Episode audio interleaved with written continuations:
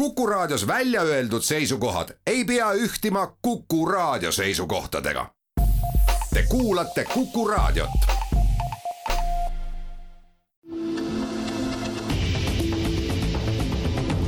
kahevahel. põranda küsimustele leiab kõige parema vastuse RM stuudio. kahevahel. tere, alustame vestlussaatega Kahevahel ja ajakirjanike Timo Tarve ja Ainar Ruussaare vahel on täna kindralleitnant Martin Herem, Eesti Kaitseväe juhataja. tere. tere. ütleme kuulajale ära, et äh, me salvestasime selle saate üheksateistkümnendat detsembri pärastlõunal, ehk siis kui vahepeal on midagi juhtunud, siis saate sellest kuulda uudistes, aga saade ise on järgmine. saade on järgmine ja jätkab siis meie kahevahel saadete nii-öelda aastalõpu traditsiooni. Ja küsiks nüüd esimese küsimusena või õigemini meenutaks, et pead ei anna, aga ilmselt ei ole viimase kolmekümne ühe aasta jooksul Eestis nii palju sõjast ja kaitseväest kõneldud, kui seda on tehtud tänavu. ja see ja kas see, et meie kaitsevägi ja tema vajadused on tänavu tähelepanu pälvinud nii palju, on siis meie vaatevinklist vaata et ainus meeldiv aspekt sellest koletust Ukraina sõjast? jaa, teine positiivne aspekt on veel. kurjus on oma pale paljastanud tervele maailmale. See võib-olla, et on veel tähtsam kui see, et me saame oma kaitseväest rääkida. kas ikkagi on niimoodi, et, et see kurjuse palge paljastamine on jõudnud iga poliitikuni, kes Euroopa Liidus sõna võtab või isegi otsustamisprotsesside juures on, noh, mõne riigi puhul isegi vaata, et president, tundub, et ikka nagu nad ei usa, usu seda kurjust siiamaani. kindla peale selgemini kui, kui varem. Meil ju ka eestlased ja lätlased ja leedukad ja kes kõik teavad Venemaad paremini, nii poliitikud kui lihtsad inimesed rääkisid aastaid, kui hirmus on Venemaa ja kohe kellelegi kallale läheb. kahekümne kolmandal veebruaril, ma arvan, oli neid väga vähe, kes uskusid, et järgmistel päevadel võib midagi sellist sündida, nagu juhtus. eks me psühholoogiliselt kõik noh, kuidagi ignoreerime mingeid asju ja loodame, et seda kõike ei juhtu. Aga pilt on kindla peale selgem kõigil, seal pole kahtlustki selleks ajaks, kui see saade eetris on, on Ukraina sõda kestnud kolmsada kümme päeva, ma tahaks väga loota, et see oleks vahepeal läbi saanud, aga ma ei ole nii naiivne. kas meie kaitsevägi on saanud selle kolmesaja kümne päeva jooksul lisaks tähelepanule ka kõike seda, mis selle meeldiva tähelepanuga kaasneb? vajadused kaetud, ressurss, puuduv moon, kõik see, millest te olete aastaid kõnelenud võib-olla alustuseks kõige tähtsam on aru saadud, mille jaoks Kaitsevägi on olemas. et see ei ole paraadid ja ilusad asjad, paljud valdkonnad, millega Kaitsevägi ka tegeleb, on sellised kõrvaleesmärgid, toetavad tegevused ja põhiline on ikkagi võime sõdida ja põhiline on võime hästi sõdida. ja mis võib-olla veel noh, aasta lõpus tuleb siin siiski välja öelda, et võime hävitada vastast, see on tähtis. poliitikud, noh, riik tervikuna peab seda kõike ära hoidma, aga kui see ükskord kätte jõuab, siis Kaitsevägi peab selleks kõigeks valmis olema.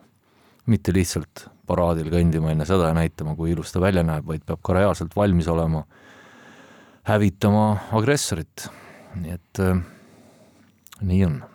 riigikaitse on ikkagi natuke, natukene laiem kui lihtsalt laskemoon, väljaõppinud sõdurid, selge nii-öelda käsuliin ja nii edasi ja nii edasi. miks meil ei ole riigikaitseõpetust siiamaani kõigis koolides? ärge seda küsige minu käest ma, ma, ma ausalt leian, et see on jama.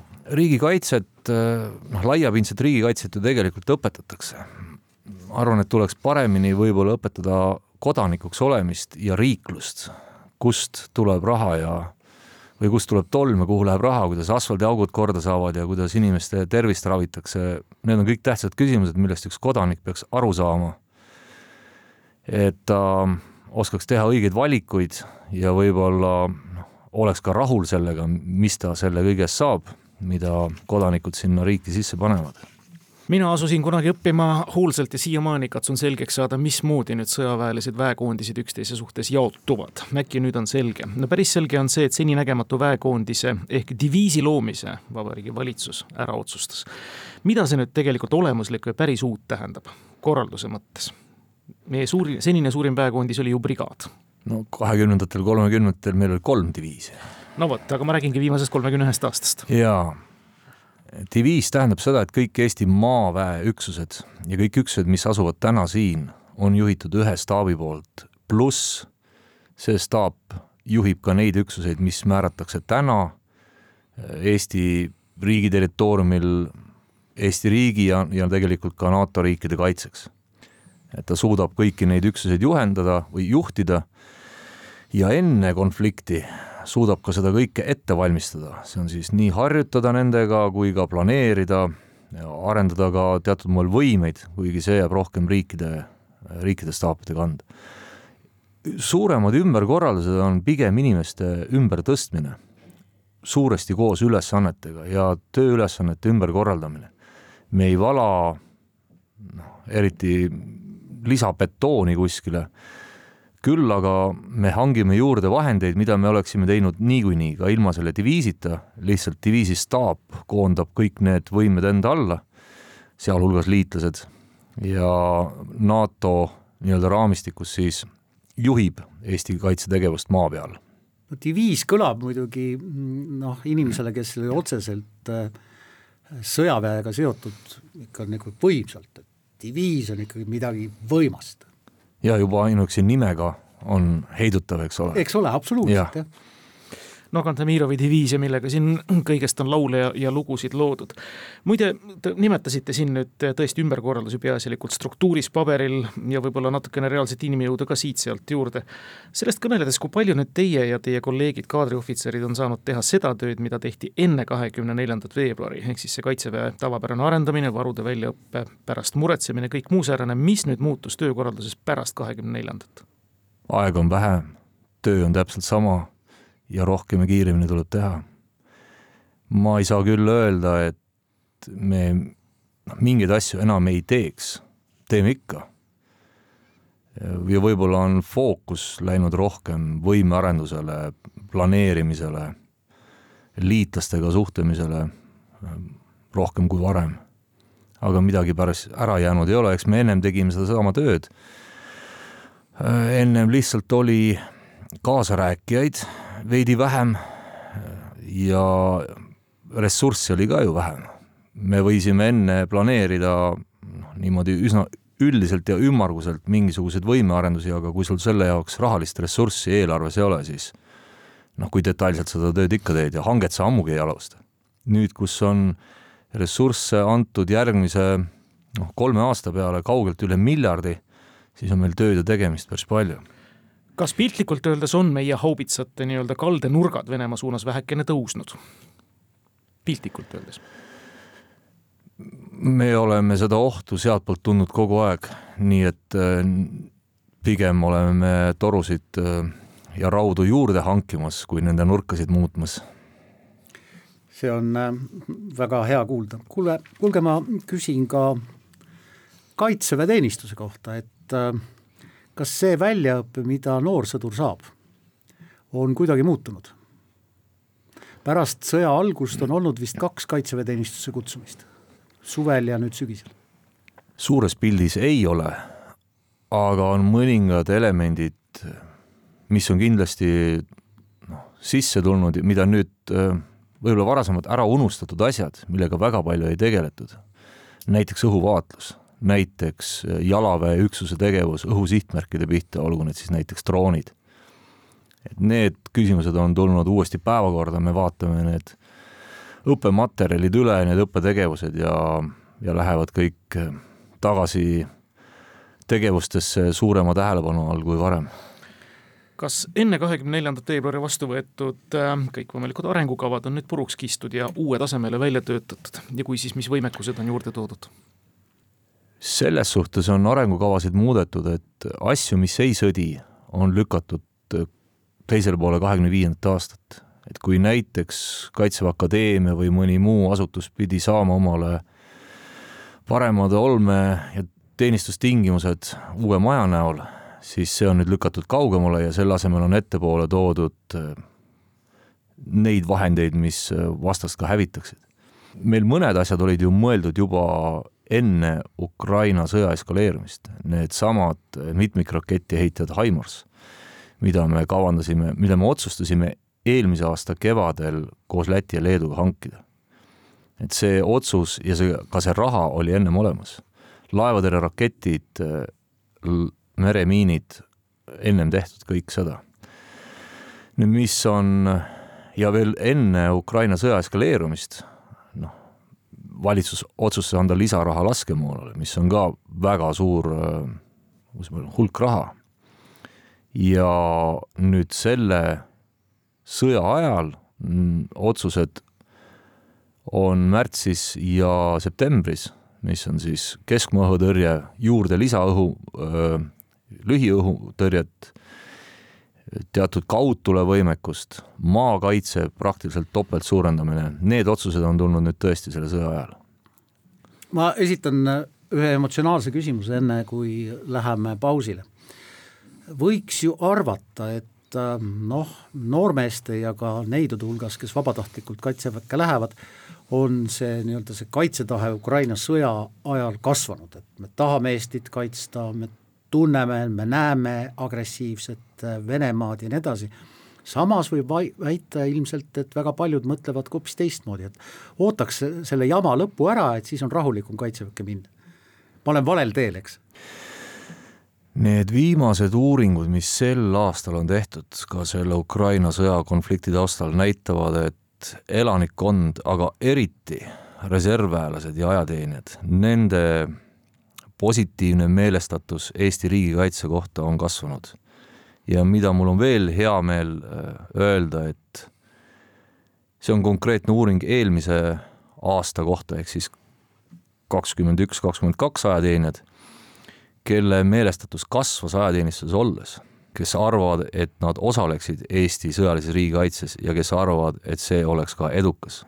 mõlema osakaal on kasvanud ajateenistuse jooksul nii et võib arvata, et telefonid on juba punased ja küüned kribisevad selle järgi, millal ometi jälle metsaõppustele saab. me läheme vahepeal väikesele reklaamipausile. kahevahel põranda küsimustele leiab kõige parema vastuse RM stuudio. kahevahel head kuulajad, Kuku raadio aastalõpu intervjuude sari ja täna aasta eelviimasel päeval saates Kahe vahel on hea meel Ainar Ruussaarel, Timo Tarvel võõrustada Eesti Kaitseväe juhti kindralleitnant Martin Heremit. härra Herem, kahekümne neljandal veebruaril kaks tuhat kakskümmend kolm täitub aasta Venemaa kallaletungist Ukrainale. ma eeldan, Eesti kaitsejõudude paraad sellel meie riigi aastapäeval on järgmisel aastal kuidagi eriline, kahekümne neljandal veebruaril? Mina jälle arvan, et väljanägemiselt ei ole palju erinev. ma rääkisin eelmine nädal inimestega veidikese paraadist ja mingeid väga suuri muudatusi ei tule. põhiline on näidata ikkagi Eesti rahvale kaitseväge, teatud relvastust, varustust, täpselt nii palju, et oleks huvitav ja nii, nii palju, et igav ei hakkaks, kui neid masinaid liiga palju sealt mööda voorib. Aga ma ei usu, et oleks väga palju erinev.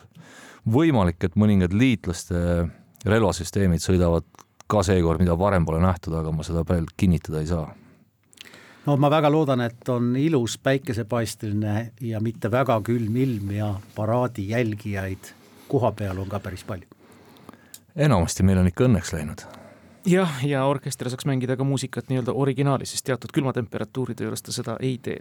aga nagu te mainisite, rahva ette või rahva juurde koduõuele on nüüd heade plaanide teost kohtumisel ja kõikide kokkulepete saavutamisel see kaitsevägi tulemas vaata et nina ette või õue alla või mõnedele lausa õue peale, kui me räägime siis Nursipalust, ühest väga emotsionaalsest lahingust, mida juba praegu peetakse sõnades see, et Nursipalu harjutusala laiendamise plaan toob tsiviilelanikkonnas vastuseisu, seda võis ju aimata. ja tegelikult meenutage nüüd alustuseks, miks on vaja siis nõnda suurt Nursipalu harjutusala laienemist ka meie kaitseväel vaja? kaitsevägi peab saama harjutada võimalikult väikeste piirangutega oma liikumist ja tulistamist. seda siis nii brigaadi suuruse üksusega, kuhu noh, kolm kuni viis tuhat inimest kuulub, teha korraga erinevate relvasüsteemide laskmist, juhuks kui meil on näiteks mobilisatsioon ja me peame oma kaitseväe nii-öelda valmidust tõstma, siis me toome kokku hästi palju reservväelaseid ja nad peavad kiiresti saama harjutada erinevaid manöövreid ja laskmisi.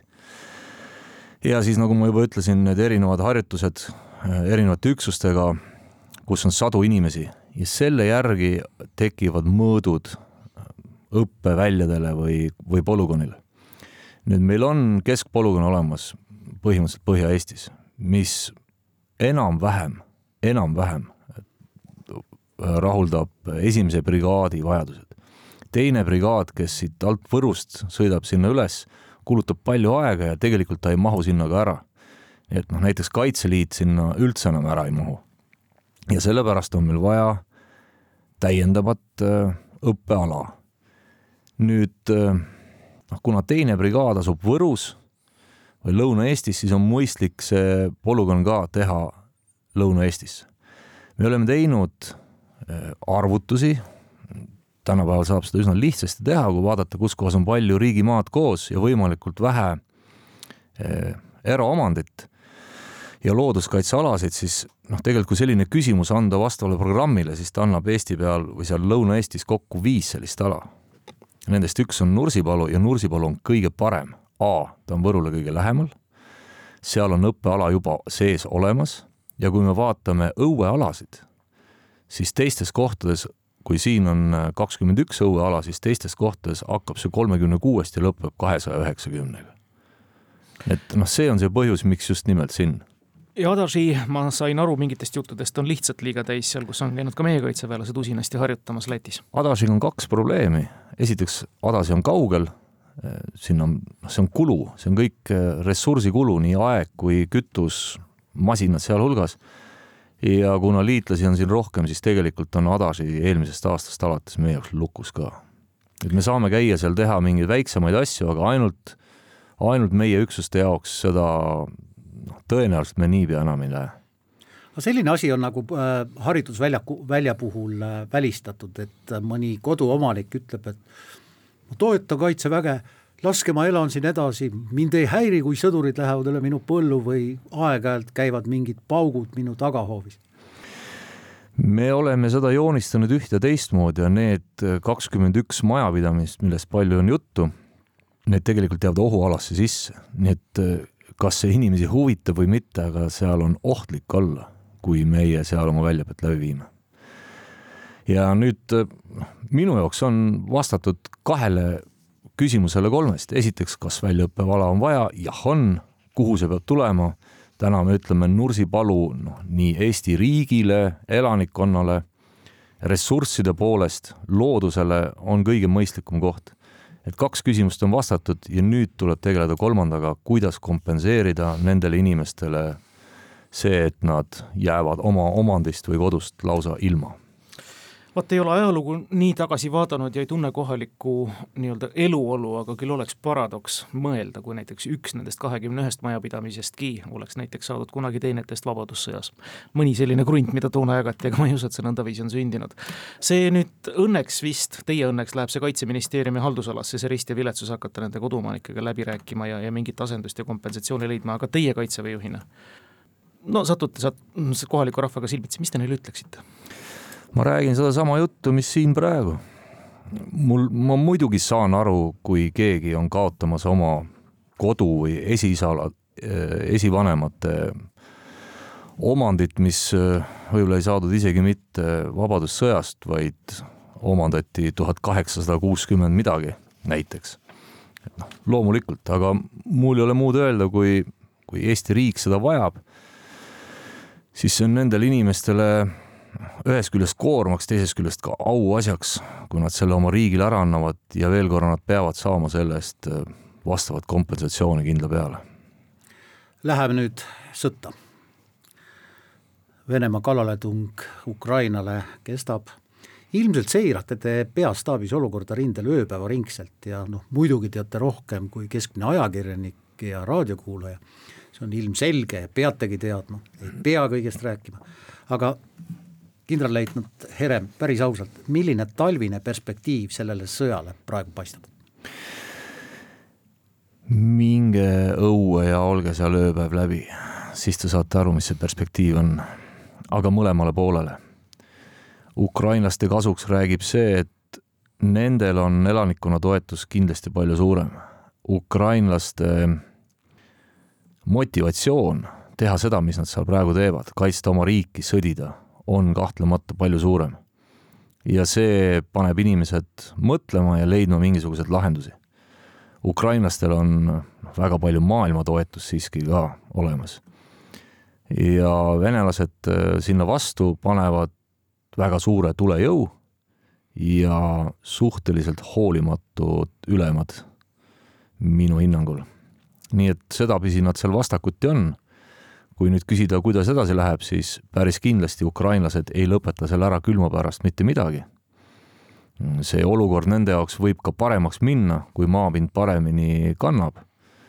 aga sõltub palju ka sellest, kuskohast venelaste kaitse siis täna juba, just nimelt kaitse, kehvasti üles on ehitatud ja kus ukrainlased selle üles leiavad. ja juhtub nii, nagu juhtus Harkivi all või noh, tegelikult ka Hersoni all, kus venelased käitusid küll veidi kavalamalt no meile edastatakse meedia vahendusel ju pigem positiivsed noote nüüd kodumaad kaitsva Ukraina sõjaväe tegemiste kohta, et mida sealt on tagasi võetud, kust kenasti edasi mindud. kas see pilt, mida meile maalitakse, on noh, mitte et me seda ette heidaks, ongi nagu keskmisest optimistlikum? me räägime oma sõpradest alati positiivsemalt. see on psühholoogia.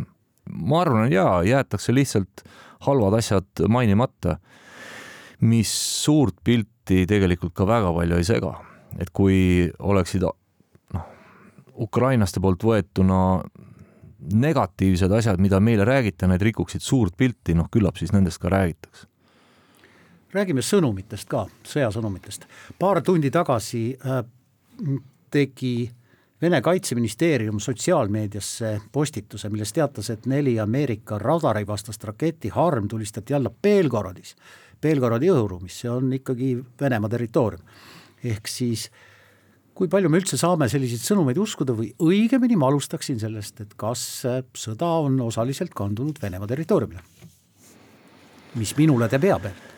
mina mõtlen jälle selle peale, et kui ukrainlastel õnnestub Vene maaväelased, jalaväelased, tankid ja soomusmasinad oma riigi piiridest välja tõrjuda mis saab siis, sest täna juba Venemaa annab ju oma üksustele toetustuld ja hävitab Ukraina noh, tsiviil- või sõjalisi objekte ju lastes oma riigi territooriumilt.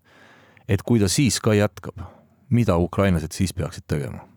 mina arvan, et loomulikult peavad nad laskma sihtmärke, mis asuvad Venemaa territooriumil. kas nad seda täna teevad, ma ei oska seda öelda. sellesama radarivastase raketilendu ma tõesti ei oska kuidagimoodi kommenteerida, et kas ukrainlastel neid on, kas nad on sinna lasknud või noh, me oleme näinud, kuidas venelasel tõesti S-300 rakett pöörab otsa ringi ja lendab nende enda pihta. segane värk ja ma ei oska selle kohta midagi öelda. Ma olen ühes asjas kindel, et kui, ma olen kindel, et Ukraina taastab oma territooriumi sellisena, nagu see oli enne kahe tuhande neljateistkümnendat aastat, ma olen kindel, et Venemaa diplomaatidel ja sõjaväelastel ei ole mõtet koputada pikka-pikka-pikka aega Ukraina valitsuse ja Kaitseministeeriumi uksele ja küsida, kas saab Sevastopoli baasi taas rentida, aga teeme siin väikese pausi. kahevahel põranda küsimustele leiab kõige parema vastuse RM stuudio. kahevahel. ajakirjanikud Timo Tarve ja Ainar Ruussaar jätkamas aastalõpu vestlussaadet Kahe vahel ja meie vahel on täna Kuku raadio stuudios kaitseväe juhataja kindralleitnant Martin Herem härra kindralleitnant, me loomulikult januneme ja ahmime kõiki sõnumeid, küll Telegrami, küll ametliku meedia vahenduselt ja noh, tuleb jätkuvalt väga tunnustada ja tunnistada seda, kui hästi Ukraina tegelikult neid sõnumeid sätib ja teeb. aeg-ajalt midagi siiski välja tuleb, mul on kuskilt kõrva silma jäänud number üks miljon ukrainlast näiteks lahingrindele võtta ja nõndaviisi edasi kuidas teile tundub, mis seis on praegu Ukraina inimressursiga ja tema moonaga, kas Ukraina sõltub oma moonast täielikult läänest? inimeste arvu poolest püssi alla panekuks nendel puudus tõenäoliselt ei ole. ma ei mäleta enam täpselt seda arvu, aga minu meelest see oli üle kahesaja tuhande, mis esimese paari nädala jooksul märtsis läks Ukrainasse tagasi igalt poolt Euroopast. meesterahvaid, siit Eestist läks ka. et kui bussid, mis käisid Poolast toomas sõjapõgenikke Eestisse, siis nende esimeste busside peal oli seitse, kümme, neliteist Ukraina meest, kes olid siin matkapoest omale varustuse kokku ostnud, tuttavatelt kaitseliitlastelt saanud saapad või mingid põlvekaitsmed ja sõitsid kõik Ukrainasse tagasi. täna nende üks probleem selle elavjõu juures võib olla väljaõpe, sest nende, noh, ma ei tea, kui kaua neil pole ajateenistustki olnud ja ma olen näinud neid sõdureid, kes tahavad sõtta minna, aga nendel ei ole väljaõpet ja see on selline kehv lugu, kui sa oled Ukrainas, sul ei ole tööd, sa oled, kuulud mobilisatsiooni alla, aga veel pole mobiliseeritud, sest et sul pole ka väljaõpet ja siis sa ootad seal lihtsalt. et see on selline noh, suhteliselt karm olla niimoodi. nüüd laskemoona ja relvade poolest ma arvan, neil ei ole neil mitte kehvasti. kui Venemaa peaks tahtma uuesti Kiievi peale minna, siis selle jaoks on ukrainlastel päris kindlasti piisavalt äh, varustust. nii et noh, ma ennustan Venemaale küll hävingut, see kahtlemata hukkuvad väga paljud ukrainlased, sellele kahtlustki, aga, aga Venemaale saab olla see küll väga-väga valus. nüüd selleks, et nad edasi suudaks rünnata ukrainlased, on kahtlemata vaja rohkem pikema ulatusega relvastust sõja lõppu ei oska isegi teie umbkaudugi ennustada? no seda ei oska vist mitte keegi. ma küsin sellise küsimuse ka, mis mind ikka ja jälle hämmastab, ehkki ma noh, oskan vene keelt ja natuke olen Venemaad ikkagi tundma õppinud omal ajal. Kremli meediakanalid kasutavad väljendeid, mis on paiguti meie jaoks ikkagi täiesti arusaamatu. Nad kasutavad ametlikult selliseid väljendeid nagu NATO natsid, Ukraina natsid, Euroopa satanistid kellele pagan need sõnumid suunatud on. normaalne inimene ei saa ju tänapäeval enam seda uskuda, isegi kui ta elab Venemaal. Või olen ma midagi väga valesti aru saanud? mina olen kuulnud NATO-ski sataniste see on üks võimalus, kuidas ma ütlen, kuidagimoodi müstifitseerida või, või kriminaliseerida kogu oma vastane, et oma ühiskonda kaasa tõmmata. noh, satanism versus kristlus, see tundub ju kuidagi olevat väga soodne, kui niimoodi panna oma inimesed mõtlema. Ja inimeste motiveerimine, niimoodi nad neid sõnu seavad ja oskavad seda teha väga hästi, et kui lugeda ka neljakümnendate aastate ettekandeid ja ülekuulamisprotokolle, mida on koostanud Julgeolekuministeerium, siis sealt on sellist retoorikat päris palju näha, küll mitte satanismist, aga aga imperialism ja kapitalism ja selline kõik on seal väga ladusalt sisse topitud selline klassikaline sildistamine on ju seal alati töötanud ja kolmekümnendatel, veel varasematel aegadel, kui keegi oli trotskist või zinovjevlane, siis ju sellest ka täiesti piisas, et inimese kohta avalik arvamus kujundada ja seeläbi siis ka teda karistada. nii et selles mõttes pole mitte midagi uut siin ilmas. meie kaitseväe Mm, teatud osakondade tegemistest kõneledes, kas teises peastaabis tegutsevad äh, institutsioonid on ka täiesti Ukraina sõjale allutatud, kogumaks sealt siis teavet, kandmaks teile ette ja kord nädalas siis ka avalikkusele? Või jagub ressurssi ka nii-öelda meie oma kaitseväe vajaduste katteks? eks see kõik on meie vajaduste katteks, ega me Ukrainast lihtsalt teadmiste pärast ei õpi, vaid me vaatame, mis seal toimub ja siis hindame, kuidas, milline on meie areng või milline on meie planeeritud areng ja võtame neid asju sealt arvesse kuhu ma tahan jutuga tüürida, on see, et kas meie silmad-kõrvad teavad ka seda, mis on tegelikult Venemaal vägede ja moona seis? üht-teist me teame ikka ja selles suhtes ma väga optimistlik ei ole. me teame, et Venemaal garaažides on vanu soomustransportööre, on vanu T kuuskümmend kaks tanke ja neid on seal, neid on seal tuhandeid ja me hindame, et kolme-nelja pealt ühe annab kindlasti kokku panna, mis tähendaks seda, et rindele saata oleks võimalik ikka veel tuhandeid. me teame, et ta suudab toota laskemoona noh, kaugelt üle miljoni aastas. me teame, et Venemaa on välja kuulutanud mobilisatsiooni, mingid tehased on juba alustanud mitmes vahetuses tööd, võib-olla ka kuus päeva nädalas. nii et ta suudab selle, selle sõja ajal ka oma tootmisvõimsust äh, suurendada vaatamata sellele, et tal ei ole mikrokiipe ja kõike muud, siis lolli, aga ikkagi tapvat moona ta suudab täna väga tõsiseltvõetaval määral taastada. nii et minu meelest oht kuidagimoodi väiksemaks ei jää ja elavjõudu, noh, suudab ka päris kindlasti juurde tuua veel. Seda ilmselt küll jah, arvestades seda, et Venemaa ei ole demokraatlik ja õiguskuulekas ega seaduskuulekas riik, aga mina väga ei usu neid kuuekümnendate lõpus toodetud ja garaažidesse sisse õlitatud mm, soomukite või veoautode taaskasutuselevõttu, et ma olen teeninud sundaega ühes armees, kus ma nägin seda pilti, kuidas hommikul üks sild sada kolmkümmend üks ainult, mis käima läks, tõmbas käima ülejäänud kuus ma arvan, et seal on sama olukord praegu või? jaa, noh, ja siis nendest äh, kuuest, mida käima tõmmati, saab võib-olla kaks tükki panna tööle selliselt, et nad töötaksidki ja siis on kokku kolm seitsmest siis juba, mis on isegi parem tulemus, kui ma ennem ennustasin. Kas meie silmi ja kõrvu huvitab ka aeg-ajalt see, mida teeb Venemaa kõrgem väejuhatus, kuhu Šoigu aeg-ajalt kaob ja kõik muu säärane, et loetakse ka midagi ridade vahelt ja nendest ärakadumistest, kes on jooma kukkunud ja nõnda edasi?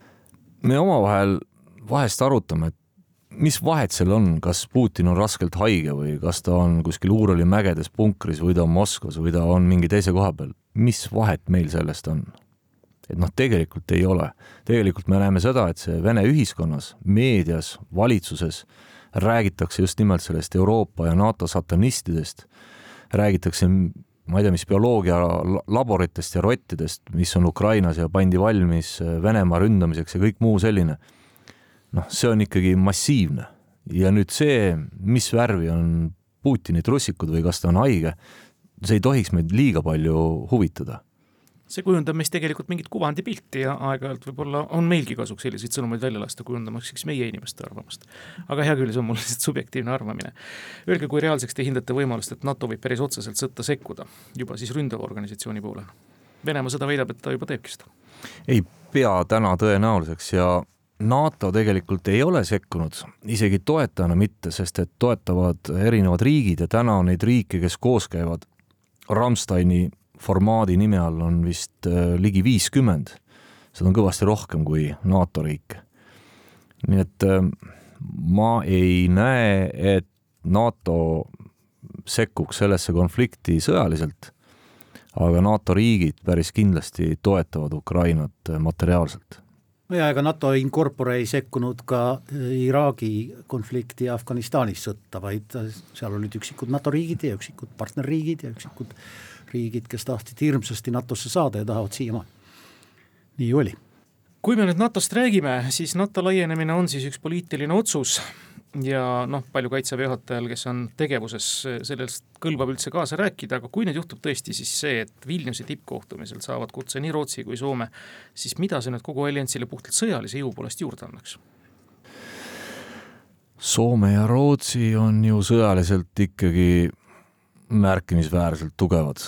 Nendel on ressurssi, mida sinna sõjalisse võimu veel juurde panna ka ma arvan küll, et üle keskmise ühe riigi kohta nende geograafiline positsioon, noh, kas siit vaadates või Venemaa poolt vaadates, kindlasti annab ka NATO-le väga palju juurde. Läänemeri, sellega, noh, Venemaal on nüüd küll väga suured probleemid, kui ta Läänemerel tahab agressiooni korral midagi toimetada.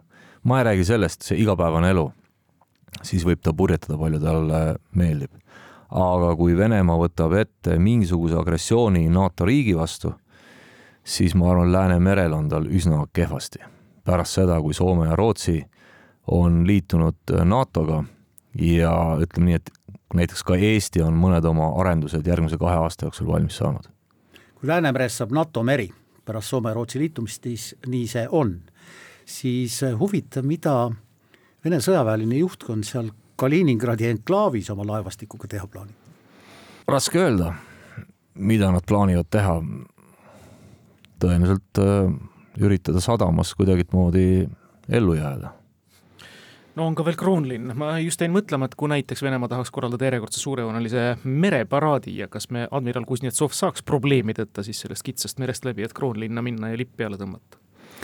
ei no läbi sõita veel korra rahuajal võivad nad ikka, seal ei ole mingit küsimust ma räägin ikkagi NATO-st kui kaitseorganisatsioonist ja organisatsioonist, kes hakkab kaitsma oma riiki, aga kaitsta saab siis, kui on rünnak toimunud.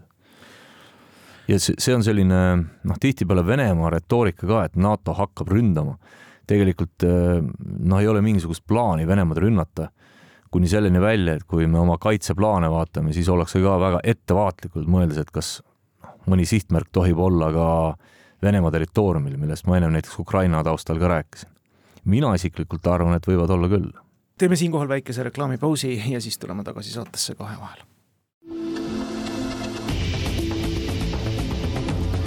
Kahevahel. põranda küsimustele leiab kõige parema vastuse RM stuudio. kahevahel saade Kahe vahel aasta eelviimasel päeval Ainar Ruussaar ja Timo Tarve võõrustamas kaitseväe juhti kindralleitnant Martin Heremit. kindral Herem, kas me oleme praegu liitlaste toel jõudnud selleni, et meie sõnum on väga selge? me suudame Eestit kaitsta ja me ei pea hakkama seda hiljem vabastama. jaa, selles suhtes meie sõnum on muidugi selge. see oli väga, väga veenev vastus.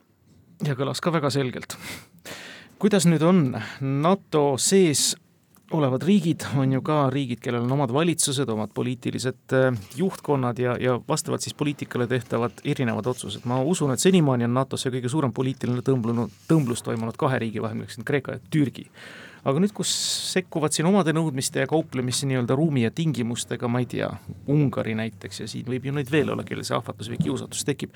mida kaitseväelane sellise peale mõtleb, kaitseväe tippjuht kohe eriti, et näed, meil oli siin nüüd plaan ja, ja nüüd lendab vastu taevast, sest et Orban vot tahab seda, teist ja kolmandat. kas kaitseväele selle üldse lubatakse nii-öelda poliitilises võtmes mõelda? ikka lubatakse mõelda ja võib rääkida ka iseasi, kui palju sellest kasu on, et see on noh, kahtlemata ebamugav teema aga kui me räägime noh, mingitest sõjalistest küsimustest, siis ei pea ju seda kogu aeg esile tooma ja arutama seda, mida mõne riigi president või peaminister või, või parlament on öelnud. meil on sõjalisi teemasid ka küll. nii et eh, me jääme nende küsimuste juurde ja selles suhtes pole mul probleemi rääkida Ungari, Kreeka või, või Türgi kaitseväe juhatajaga, isegi kui nad kõik kolm on ja mina neljandana ühe laua taga mida on ühist tegelikult arutada näiteks Türgi ja Kreeka kaitseväe juhatajatega? teatud võimearendust näiteks, raketid lendavad kõigil ühtemoodi ja maksavad ka enam-vähem sama palju. kuidas seda väljaõpet teha, noh jälle, või siis näiteks, kuidas me saaksime paremini kasutada oma sõjaliseid võimeid Aafrikas.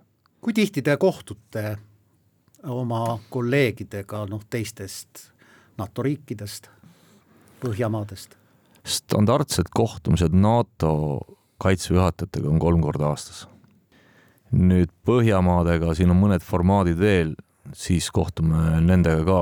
ma arvan, et Soome, Rootsi kaitseväe juhatajaga, no Euroopa Liidu kohtumisi ka veel kaks tükki aastas. standardsed kohtumised neli-viis korda aastas aga sellele lisanduvad siis igasugused kahepoolsed ja mingid muudes formaatides, nii et ma ikka näen neid ja vahest helistame ka teineteisele. inflatsioon on kogu Euroopa Liidus ikkagi suhteliselt kõrge, noh Eesti näitab siin jutumärkides ja mitte heas valguses. no NATO riikidest ikka Türgi. ja Türgi ja Türgis on veel hullem, seitsekümmend protsenti oli vist eelmisel kuul inflatsioon, noh meil on natuke üle kahekümne. kas see, et sõjatööstus ka siin Euroopas, ka Ameerika Ühendriikides praegu kütab seda, mida nad peavad kütma ja toodab seda, mida nad peavad tootma täisvõimsusel. kas see aitab kuidagi majandust kaasa? loll on nii küsida, kas sõda aitab kaasa majandusele?